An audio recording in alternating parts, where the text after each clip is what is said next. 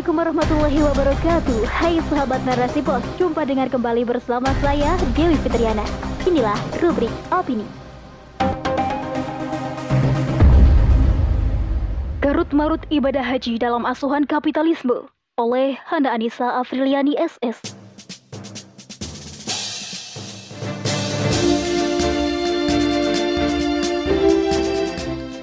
Setiap umat Islam pasti rindu menjejakkan kaki di tanah haram, yakni Mekah dan Madinah.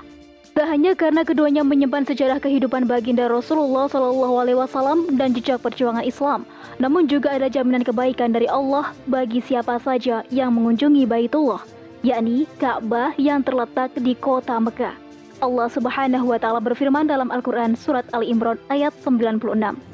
Sesungguhnya rumah yang mula-mula dibangun untuk tempat beribadah manusia ialah Baitullah yang di Bakah atau Mekah yang diberkahi dan menjadi petunjuk bagi semua manusia.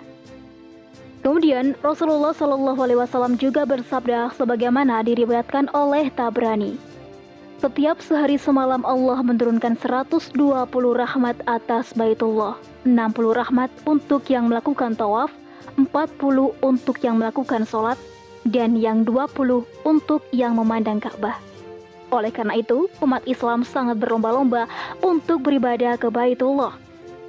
Ya, karena hal tersebut juga merupakan salah satu dari rukun Islam. Namun faktanya untuk berkunjung ke tanah haram itu tidak semudah membalikkan telapak tangan.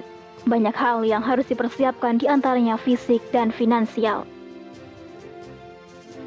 Tengah karut-marutnya pengelolaan haji oleh pemerintah, mulai dari masa tunggu yang sangat lama hingga dana haji yang dikabarkan menghilang, muncul alternatif lain bagi yang ingin berhaji tanpa menunggu antrian belasan bahkan puluhan tahun, yakni haji Froda. Namun alternatif ini hanyalah diperuntukkan bagi kaum berduit sebab biaya yang harus dikeluarkan tidaklah sedikit. Hmm, apa itu haji Froda? Sebagaimana disampaikan di laman resmi Badan Litbang dan Diklat Kemenak RI, yang dimaksud Haji Froda atau disebut juga Haji Mujamalah adalah haji yang visanya diperoleh dari undangan pemerintah Arab Saudi. Jadi, Haji Froda adalah haji di luar kota visa haji yang dijatuhkan Kemenak RI. Meski begitu, pelaksanaan Haji Froda ini legal di negeri ini sesuai dengan Undang-Undang Nomor 8 Tahun 2019 tentang penyelenggaraan ibadah haji dan umroh. Dalam pasal 18 ayat 1 UU tersebut menerangkan bahwa visa haji Indonesia hanya ada dua jenis, yakni visa haji kuota negara dan visa haji mujamalah atau froda. Adapun pelaksanaan haji froda ini haruslah oleh penyelenggara ibadah haji khusus PIHK. Tentu saja, keberadaan haji froda ini menjadi angin segar bagi masyarakat kalangan atas sebab memiliki kesempatan berhaji tanpa harus mengantri Adapun biaya yang mesti dikeluarkan tak tanggung-tanggung, yakni sekitar 250 hingga 300 juta per orang. Ironisnya, meski sudah mengeluarkan biaya selangit, peserta haji Froda tak luput juga dari masalah. Sebagaimana yang viral beberapa waktu lalu sebanyak 46 orang peserta haji Froda asal Indonesia dipulangkan oleh pemerintah Arab Saudi sebab visanya tidak resmi. Adapun yang memberangkatkan mereka adalah PT Al-Fatih Indonesia Travel, masih di luar jangkauan aparat kepolisian. Usut punya usut, perusahaan yang beralamatkan di Bandung, Jawa Barat ini tidak terdaftar di Kemenak. Diakui oleh salah seorang pemimpin perjalanan PT Al-Fatih Indonesia Travel, mereka sudah sejak tahun 2014 memanfaatkan visa Froda dari negara lain karena visa untuk Indonesia tak kunjung terbit. Kali ini menggunakan visa dari Malaysia dan Singapura. Akibatnya saat di Bandara King Abdul Aziz Jeddah, 46 jemaah tidak bisa lolos dalam pemeriksaan imigrasi karena identitas jemaah tidak terdeteksi dan tidak cocok.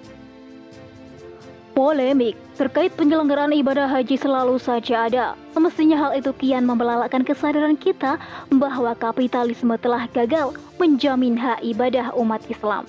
Betapa tidak, derasnya arus kapitalisme di berbagai bidang kehidupan bahkan dalam bisnis ibadah haji menjadikan seseorang silau untuk mengambil keuntungan darinya meski lewat jalan haram. Misalnya dengan melakukan penipuan, rekayasa bahkan korupsi. Inilah potret buram penyelenggaraan ibadah haji dalam asuhan kapitalisme penuh polemik.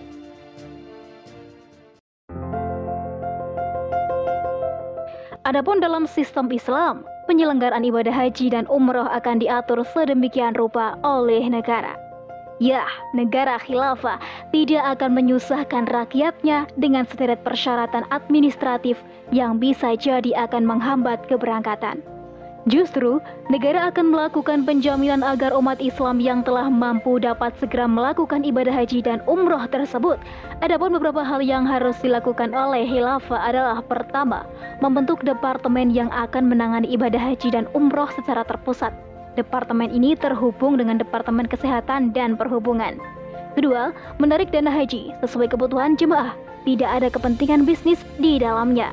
Khilafah juga tidak akan menggunakan dana haji jamaah untuk membiayai infrastruktur atau kebutuhan lainnya, sebab dana yang dikumpulkan terakatkan sebagai ongkos naik haji.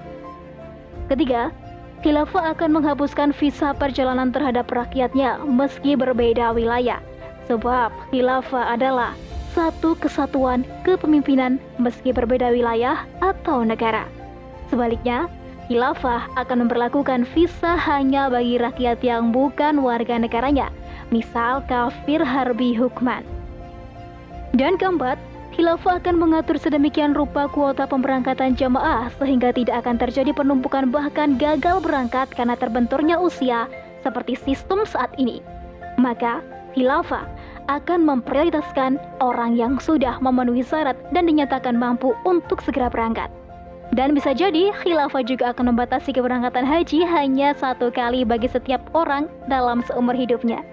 Demikianlah khilafah mempraktikkan kebijakan terkait penyelenggaraan haji dan umroh. Tampak betapa khilafah sebagai negara yang menerapkan syariat Islam secara sempurna tidak menjadikan ibadah haji sebagai ajang bisnis. Oleh karena itu, karut-marutnya haji akan terus terjadi selama menyerahkan penyelenggaraannya dalam asuhan kapitalisme. Hanya tegaknya khilafah yang mampu mengurai dan menyelesaikan karut-marut tersebut. Wallahu alam bisawab. Bagaimana sobat? Makin greget setelah dengar opini kali ini? Yuk tinggalkan sistem kapitalisme dan tegakkan sistem Islam. Saya Dewi Fitriana. Sampai jumpa di podcast Narasi Pos selanjutnya. Tentunya di rubrik-rubrik yang berbeda. Tetap stay tune ya. Bye-bye.